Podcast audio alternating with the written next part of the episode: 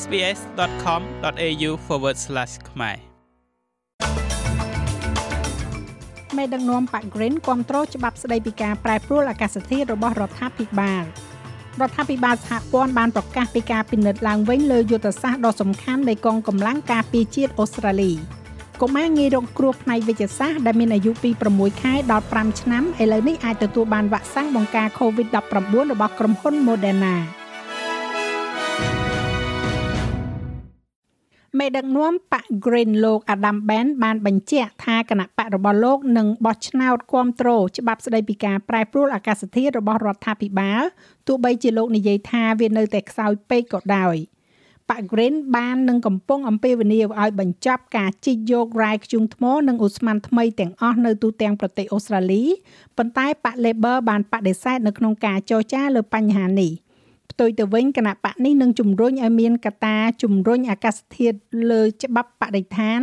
ដែលនឹងបង្ខំឲ្យមានការពិចារណាលើផលប៉ះពាល់បរិស្ថានលើគម្រោងថ្មីទាំងអស់លោកអាដាមបែនមានប្រសាសន៍ថាការចរចាមួយចំនួនជាមួយនឹងរដ្ឋាភិបាលបានទទួលជោគជ័យរួមទាំងការធានាថាគោលដៅកាត់បន្ថយការបំភាយឧស្ម័ន43%គឺជាកម្រិតចាប់ផ្ដើមមិនមែនជាកម្រិតខ្ពស់បំផុតនោះទេ The Greens have improved a weak ប៉ាក្រិនបានកែលម្អសេចក្តីព្រៀងច្បាប់អាកាសធាតុដ៏ទន់ខ្សោយមួយប៉ុន្តែនៅតែបន្តការតវ៉ាដើម្បីបញ្ឈប់ប៉ា Labor ពីការបើកអណ្ដូងរ៉ែខ្ជុំថ្មនិងឧស្ម័នថ្មីហើយនៅក្នុងសភានេះឧបសគ្គតែមួយគត់ចំពោះមហិច្ឆតាអាកាសធាតុកាន់តែធំគឺប៉ា Labor ប្រជាជនត្រូវតែមើលឃើញយ៉ាងច្បាស់អំពីសារៈសំខាន់នៃច្បាប់នេះហើយថារដ្ឋាភិបាលនេះកំពុងយកទឹកមួយធុងមកពន្លត់លើភ្លើងដែលកំពុងតែឆេះផ្ទះរដ្ឋាភិបាលនឹងត្រូវការការគ្រប់គ្រងពីសមាជិក Crossband ម្នាក់ទៀតនៅព្រឹទ្ធសភាដើម្បីអនុម័តច្បាប់នេះរដ្ឋាភិបាលសហព័ន្ធបានប្រកាសអំពីការពិនិត្យឡើងវិញលើយុទ្ធសាស្ត្រដ៏សំខាន់នៃកងកម្លាំងការពារជាតិ ADF អូស្ត្រាលីដើម្បីធានាថា អង្គភាពនេះមានគោលជំហរល្អដើម្បីឆ្លើយតបទៅនឹងបញ្ហាប្រឈមផ្នែកសន្តិសុខនាពេលអនាគតការពិនិត្យឡើងវិញនេះនឹងជាការសាវរើលើកដំបូងហើយចាប់តាំងពីឆ្នាំ2012មកហើយនឹងត្រូវបានដឹកនាំដោយមេតបអាកាសដែលចូលនិវត្តន៍គឺ Sir Angus Houston និងអតីតរដ្ឋមន្ត្រីក្រសួងការពារជាតិលោក Stephen Smith អ្នកជំនាញទាំងពីរនឹងធ្វើការវិតម្លៃឡើងវិញដ៏ទូលំទូលាយបំផុតនៅអង្គភាពយោធានេះក្នុងរយៈពេល35ឆ្នាំរដ្ឋមន្ត្រីក្រសួងការពារជាតិលោក Richard Marles មានប្រសាសន៍ថាអនុសាសន៍របស់ពួកលោកលើរចនាសម្ព័ន្ធនិងការត្រៀមលក្ខណៈរបស់ ADF នឹងត្រូវផ្ដល់ជូននៅខែមីនាឆ្នាំក្រោយ។ It will look at questions of force គេនឹងពិនិត្យមើលលើសំណួរនៃរចនាសម្ព័ន្ធកងកម្លាំងនិងសមត្ថភាព គេនឹងសួរសំណួរចម្លើយជាមូលដ្ឋានអំពីស្ថានភាពយុទ្ធសាស្ត្ររបស់យើងតើអ្វីដែលយើងចង់ឲ្យកងកម្លាំងការពាររបស់យើងធ្វើក្នុងនាមជាប្រទេសជាតិរបស់យើងនៅពេលនេះនេះនឹងជាការពិនិត្យឡើងវិញដ៏សំខាន់បំផុតដែលយើងបានឃើញពីកងកម្លាំងការពាររបស់យើងក្នុងពេលប្រមាណទសវត្សរ៍មកនេះ។ លោក Neil James នាយកប្រតិបត្តិនៃសមាគមការពារប្រទេសអូស្ត្រាលី មានប្រសាសន៍ថាលោកស្វាគមន៍ចំពោះការពិនិត្យសាររើឡើងវិញនេះប៉ុន្តែបានលើកឡើងពីការព្រួយបារម្ភមួយចំនួនលើចំនួនបុគ្គលដែលត្រូវបានជ្រើសរើស We're a little bit puzzled why it's a two យើងមានការងឿងឆ្ងល់បន្តិចថាហេតុអ្វីបានវាជាក្រុមមនុស្សតែ2នាក់ជិះជាងដែលមានមនុស្ស3នាក់ហើយហេតុអ្វីបានជាពួកគេមិនខ្វល់នៅក្នុងការពិគ្រោះយោបល់លើរាល់ការវាយតម្លៃពីមុនមកដែលបានធ្វើរួចមកហើយនោះ។ លោក Neil James ក៏ហាក់ដូចជាមិនពេញចិត្តផងដែរជំវិញការតែងតាំងលោក Steven Smith ដែលមើលការខុសត្រូវលើការកាត់ថវិកាអំឡុងពេលកាន់តំណែងរបស់លោកនៅក្នុងរដ្ឋាភិបាលលោក Rudd និងលោកស្រី Gillard ប៉ុន្តែលោកនាយករដ្ឋមន្ត្រីទទូចថាលោកគឺជាមនុស្សដែលត្រឹមត្រូវនៅក្នុងការបំពេញតួនាទីនេះហើយសន្យាថារដ្ឋាភិបាលនឹងមិនកាត់បន្ថយកញ្ចប់ថវិកាការពារជាតិក្រោម2%នៃ GDP នោះទេ។ រដ្ឋាភិបាលសហព័ន្ធកំពុងតែប្រកាសថាកុមារដែលងាយរងគ្រោះផ្នែកវិទ្យាសាស្ត្រដែលមានអាយុពី6ខែដល់5ឆ្នាំឥឡូវនេះអាចទទួលបាននៅវ៉ាក់សាំងបង្ការ COVID-19 របស់ក្រុមហ៊ុន Moderna នេះមានន័យថាកុមារប្រហែលជា70000នាក់ដែលមានបញ្ហាភាពស៊ាំនិងជំងឺចុះខ្សោយដែលរស់នៅជាមួយនឹងស្ថានភាពសុខភាពស្មុគស្មាញឬក៏ពិការអាចទទួលបាននៅវ៉ាក់សាំងដែលមានកម្រិតដូសតិចជាងដូសធម្មតានេះ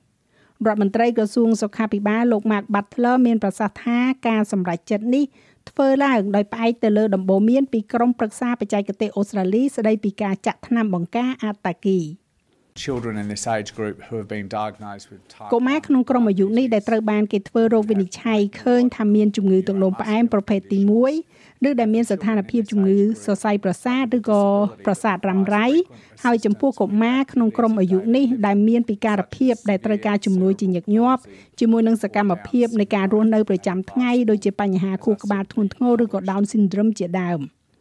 លោកមានប្រសាសន៍ថាអាតាគីមិនណែនាំវ៉ាក់សាំង Moderna នេះសម្រាប់កុមារអាយុក្រោម5ឆ្នាំដែលមិនស្ថិតនៅក្នុងក្រុមងាយរងគ្រោះផ្នែកវិទ្យាសាស្ត្រនោះទេពីព្រោះកុមារទាំងនេះមានលទ្ធភាពទាបបំផុតនៃការឈឺធ្ងន់ពី COVID-19 ប៉ុន្តែបានកត់សម្គាល់ថាការណែនាំនេះកំពុងតែស្ថិតក្រោមការពិចារណាបន្តការដឹកជញ្ជូនវ៉ាក់សាំងប្រមាណជា175,000ដូសសម្រាប់ក្រុមនេះក្រុងនឹងមកដល់ប្រទេសអូស្ត្រាលីនៅសប្តាហ៍ក្រោយ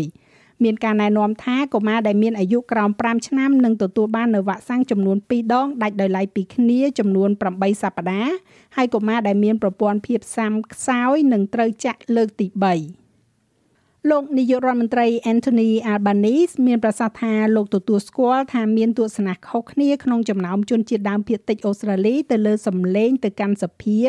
Voice to the Parliament និងសេចក្តីថ្លែងការណ៍ Uluru ចេញពីបេះដូង រដ្ឋាភិបាលបក Labor បដិញ្ញាអនុវត្តសេចក្តីថ្លែងការណ៍ Uluru ចេញពីបេះដូងយ៉ាងពេញលេញជាមួយនឹងសន្ធិសញ្ញាមួយនៃទស្សនវិជ្ជាទី2នៃដំណើរការនេះ។លោកនាយករដ្ឋមន្ត្រីថ្លែងថាការពិភាក្សាថ្នាក់ជាតិនេះប្រហែលជាមិនងាយស្រួលទេប៉ុន្តែវាសមហេតុផល The Uluru statement from the heart didn't appear in a vacuum. សេចក្តីថ្លែងការណ៍អ៊ូលូរូចេញពីបេះដូងមិនលេចចេញឡើងក្នុងភាពខ្វះចន្លោះនោះទេវាបានកើតឡើងបន្ទាប់ពីមានការពិគ្រោះយោបល់ដ៏ទូលំទូលាយបំផុតជាច្រើនឆ្នាំជាមួយនឹងប្រជាជនដើមដំបូង First Nation នៅទូទាំងប្រទេស ខ្ញុំដឹងថាវាមានការគ្រប់គ្រងយ៉ាងច្រើនលើសលប់ពីជនជាតិដើមអូស្ត្រាលីតែខ្ញុំរំពឹងថាជនជាតិអូស្ត្រាលីគ្រប់រូបដែលមានសិទ្ធិបោះឆ្នោតនិងបោះឆ្នោតគ្រប់គ្រងដែរឬទេ បាទអត់ទេខ្ញុំមិនសង្ឃឹមដូច្នោះទេនោះគឺជារឿងសំខាន់ដែលប្រជាជនអាចបញ្ចេញទស្សនៈរបស់ពួកគេបានប៉ុន្តែអ្វីដែលលើសលប់នោះគឺថានេះគឺជាសំណើដ៏សមហេតុសមផលលោក Stuart Ayres បានលាលែងចេញពីតំណែងនៅក្នុងក្រសួងនៃរដ្ឋ New South Wales និងជាអនុប្រធានបក Liberal នៃរដ្ឋនេះហើយ ការពិនិត្យឡើងវិញលើសេចក្តីព្រៀងនៃរឿងអាស្រូវការងាររបស់លោក John Barilaro នៅទីក្រុង New York បានរកឃើញថាលោកប្រហែលជាបានបំពានក្រមសីលធម៌របស់រដ្ឋមន្ត្រីដំណើរការជ្រើសរើសបុគ្គលិកសម្រាប់តួនាទីពាណិជ្ជកម្មដែលមានមូលដ្ឋាននៅទីក្រុង New York នេះគឺជាកម្មវត្ថុនៃការស៊ើបអង្កេតរបស់សភារដ្ឋ New South Wales អភិបាលរដ្ឋលោក Dominic Perrottet មានប្រសាសន៍ថាការលាលែងពីតំណែងរបស់លោក Iris ធ្វើឡើងបន្ទាប់ពីមានសេចក្តីសង្ខេបមួយ ដែលលោកបានទទួលពីនាយកដ្ឋានអភិបាលរដ្ឋនិងគណៈរដ្ឋមន្ត្រីកាលពីថ្ងៃអង្គារ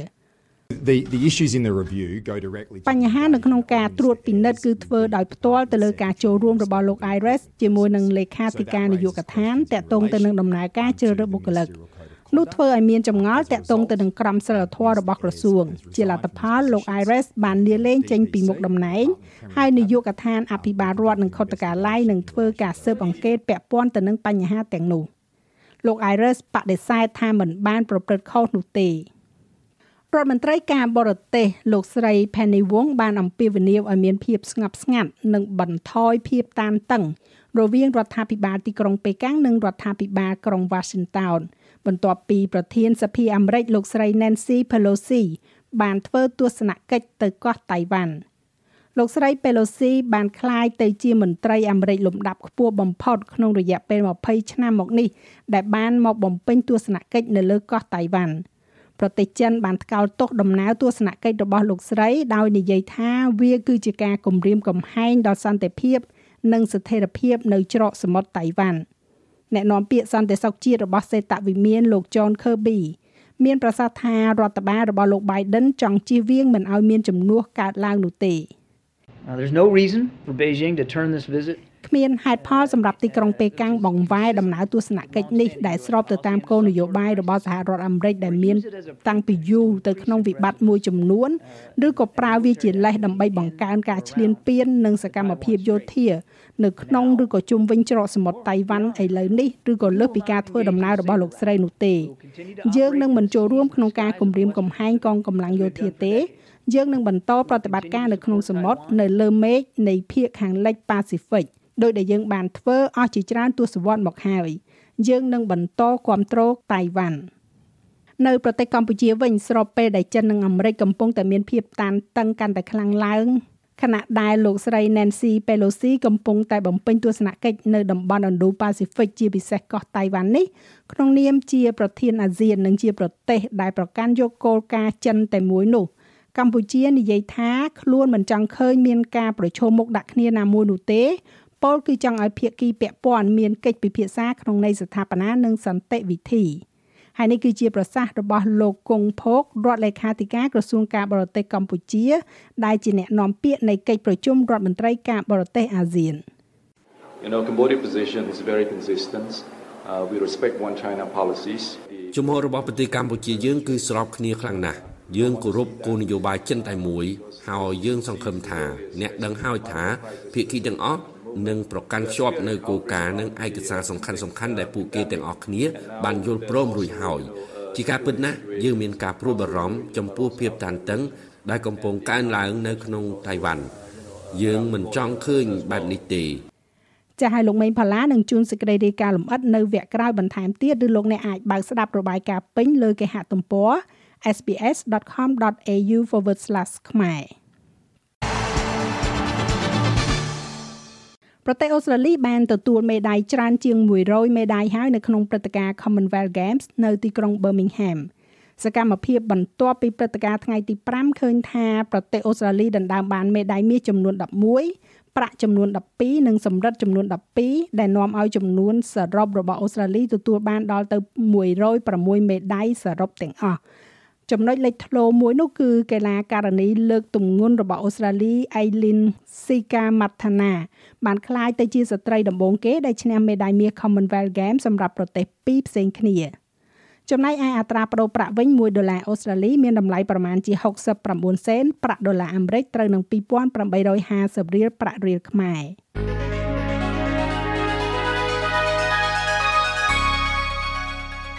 ឥឡូវយើងក៏លេខមកមើលការព្យាករណ៍អាកាសធាតុសម្រាប់ថ្ងៃប្រហ័សស្អែកនេះវិញទីក្រុងផឺតរលឹម17អង្សាអាដាលេដរលឹមខ្លាំងឡើង17អង្សាមែលប៊នអាចនឹងមានរលឹម19អង្សាហូបាតអាចនឹងមានរលឹមនៅពេលព្រឹក16អង្សាខេនបារ៉ាភ្លៀង16អង្សាស៊ីដនីរលឹម22អង្សា Brisbane មានពពកដោយពេល24អង្សាស្រដៀងគ្នានៅ Cairns 29អង្សា នៅ Darwin ក៏មានពពកដោយពេលផងដែរ31អង្សា និងនៅទីក្រុងភ្នំពេញ មានផ្គររន្ទះ32អង្សា